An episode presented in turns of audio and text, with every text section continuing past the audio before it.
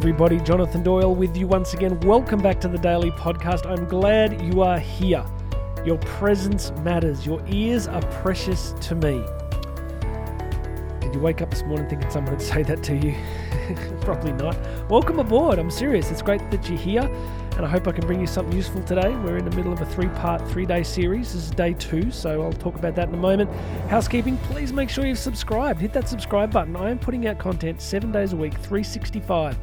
If you like YouTube or video, there's a video version of this, so if you want to see my handsome face on YouTube, there will be a link here where I go through the same content. I like the podcast though, so I just I got this weird weird thing where I like microphones. Got this really nice microphone, and if you speak really deeply, it sounds like you're like you're really wise or something. So that's um one of my little interests. Please make sure you've subscribed. And what else? There's a coaching link there. There's a whole bunch of links. I put a whole bunch of links to free stuff and other bits and pieces you can grab. But um, I want you to have a think about getting coaching with me. There is a link where you can select that link and uh, you can book a coaching spot with me anywhere in the world. And I like to say to people, what's going to happen if you hit that link?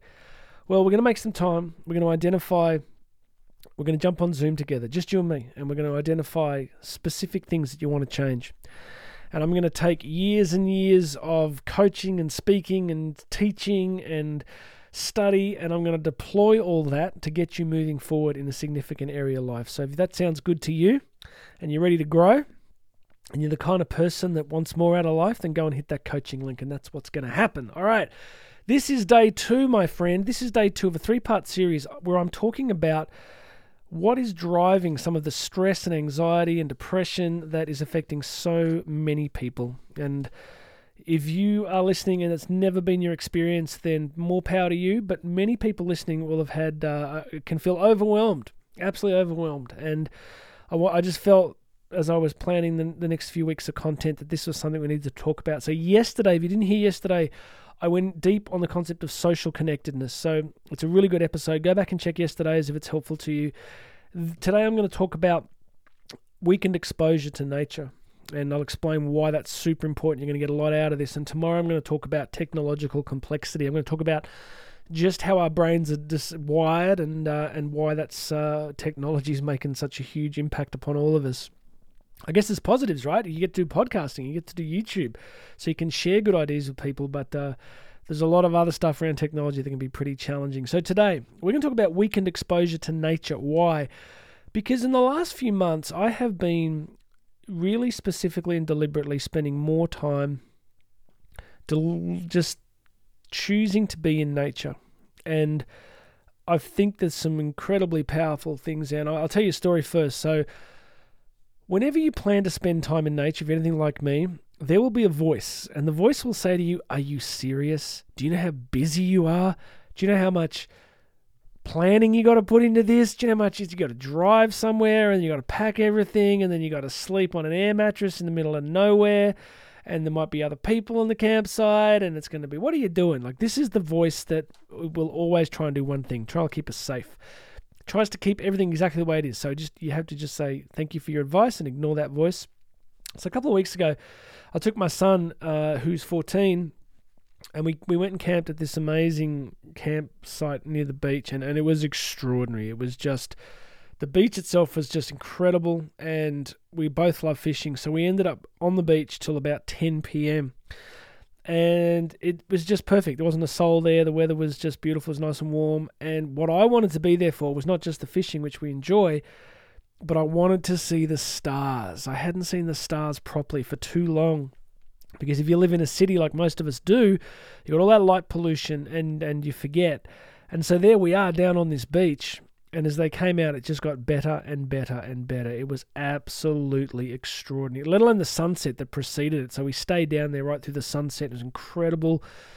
And just this beautiful time together. And the stars, man. Like, and I said to my son, I said, you know, I said the word anthropology, the study of the human person. I said anthropology, it comes from the Greek word anthropos. And anthropos means the stargazer or the one who gazes at the stars. And it's really interesting because of all the other animals, if you think of other animals, most of them, you know, four legs, two legs, they look down. You don't find animals staring at the stars. You know, you might have seen those romanticized images of wolves howling at the sky, but they're just howling. They're not going, I'm howling because these stars are amazing. We're the only species that looks at the stars and finds them interesting. And that's significant because we've been made for beauty. We've been made for connection. We've been made to we've been made, we've been we've been made for wonder and for awe. Now you can find wonder and awe, I guess, in the city, but it's harder. But when you're confronted with a billion stars or a perfect sunset, it's a different experience. So not only was that experience with him just wonderful in the moment, but I often find that experiences in nature, especially with people you love, tend to stay with you. They're like a movie that you can replay and they become very precious memories. All right, that's my long winded introductory story. So, why do I want to talk to you about nature? Here's some things to think about the planet that we inhabit is around about 3.6 billion years old, I think. I think it's about 3.6 billion years. I think they think the universe is around 13.7 billion years old, and this planet that we uh, inhabit is about 3.6 billion years. Homo sapiens sapiens, the current iteration of Team Human, the bodies that you and I inhabit, are actually only about 350,000 years old. Now, that may sound like a long time to you, but in cosmological history, it's next to nothing. So, you know, as hominids, we go back much further than that, but as Homo sapiens, about 350,000 years. The first civilizations only emerged about 5,000 years ago. Mesopotamia, you know, ancient uh, Mesopotamia, the the confluence of the Tigris and Euphrates rivers, of course, and then we had uh, the classical civilizations. Uh, we had Egypt first, and then we had, I mean, Egypt wasn't a classical civilization. Rome and Greece were the classical uh, civilizations. And the reason I'm telling you this is because cities as we know them only really emerged in the last kind of 200 years or so. I mean, look, there were cities before that, but not in the way that we would understand them now you know, the great cities, even in the US, I mean, you know, the great Chicago, New York, LA, they only really sprang up in the 20th century in the way that we understand them now. What has all this got to do with you? What I'm trying to get you to understand is that for most of our human journey as a species, we tended to live in, first, very small communities, and second, communities that were directly embedded in nature.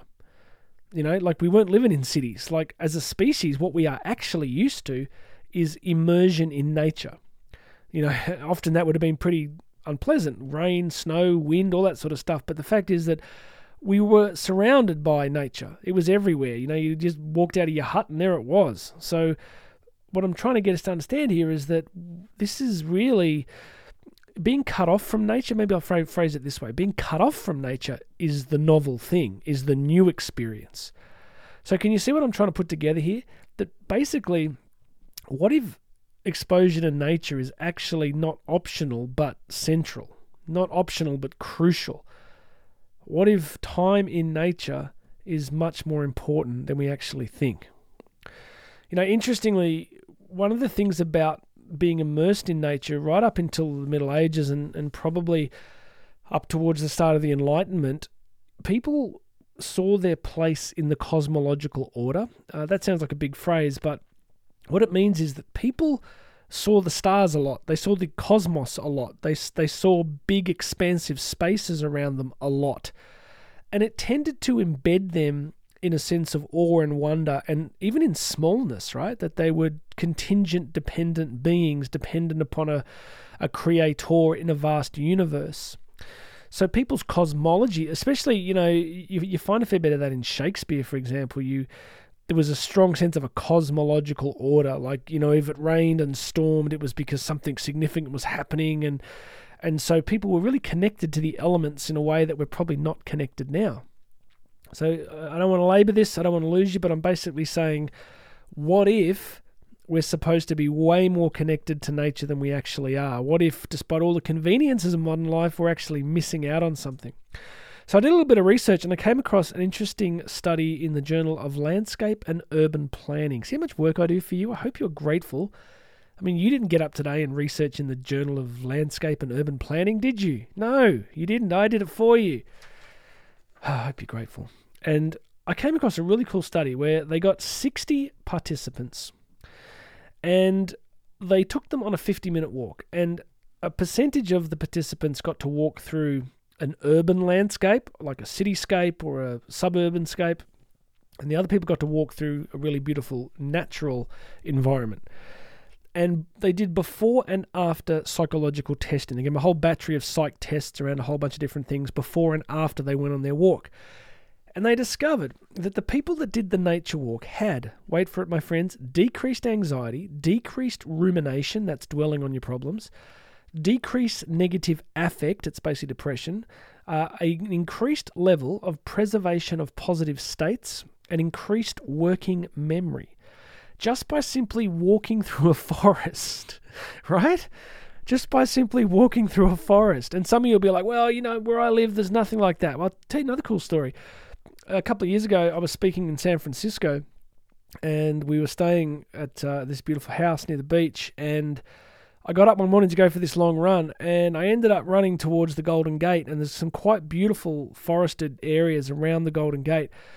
And despite all the people living in tents, and despite every, uh, large numbers of people smoking very strange substances very early in the morning, I came around. Look, I've just ruined it, haven't I? It makes it sound terrible, but it was apart from that stuff. I came around a corner and there was this coyote standing in the middle of the path, and it just stared at me, and it was this sublime moment there's this beautiful environment. There's the Pacific Ocean, the Golden Gate, and the sunrise coming up, and and the smell of marijuana floating through the air. And no, it wasn't. It wasn't me. And this coyote, and I'm like, wow. So even in the midst of an massive global city, there are places we can go.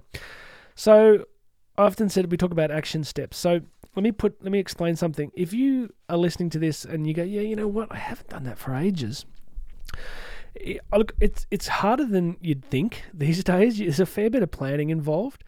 So again, like a lot of things I teach, you have to be deliberate. You have to say to yourself, you know what, this matters. This is important. I am going to do this. So whether it means you buy camping gear and you do some research and you camp out overnight or you do this or you do that. So over time I've accumulated heaps of cool gear. I like my, my, my cool gear. But I'm deliberate about it. And every time I go to plan it, I think to myself, oh man, but the rugby's on, you know, the footy's on Friday night, and, and you've got a very comfortable bed, you have air conditioning, and and you end up sleeping, you know, in the bush. For my American friends, that's the woods, and uh, on an air mattress. But it's always worth it. It just is. It just you you just get this beautiful connection with the physical world and with the people that you love so, whether it's camping, whether it's going to the beach, whether it's just walking through a local green area and sitting in it, uh, just get it done, friends. Get it done. Why am I talking to you about it? Because this is a three part series on the things that are making life harder for us the stress, the anxiety, the overwhelm. And yesterday we said we need stronger social connections. Today we need some reconnection with nature. We need to reconnect to the physical world. You know, as I wrap up, the other thing that I've been doing lately is, you know, I'm usually up around 4 a.m. and I'm into rucking, which is using a military style backpack with heavy weights in it and walking with my dog. And I love it. It's 4 a.m. and I do it because it's like super quiet, it's so peaceful. And you know, around us there's some pretty beautiful spaces, lots of kangaroos and and just the solitude and the peace. And this morning, you know, it was still warm enough to walk just in a t-shirt and it was pitch black and it was windy and just the feel of the wind, you know. So before the day's even begun, I've had some of that connection with the physical world. So if you find that, you know, you've been binging on Netflix and you're on your screen every five seconds, I understand it, right? It, it's just it's just the reality of the world we inhabit. But you are not a pure victim to this. You can transcend this. You can get outside this if you are deliberate and on purpose. Okay, that's it for me today. Please make sure you're subscribed. And tomorrow we're going to do part three. We're going to talk about how increased technological complexity has been affecting us. So if you want to get a few insights around just how tech's affecting us and what you can do practically, check in tomorrow. Go and check out that coaching link. If you're ready to grow, you want me to help you put some of these things into practice and really get your life shifted, go ahead. Book yourself a coaching call with me and we'll get you moving forward. All right, everybody, my name is Jonathan Doyle. This has been the Daily Podcast, and you and I are going to talk again tomorrow.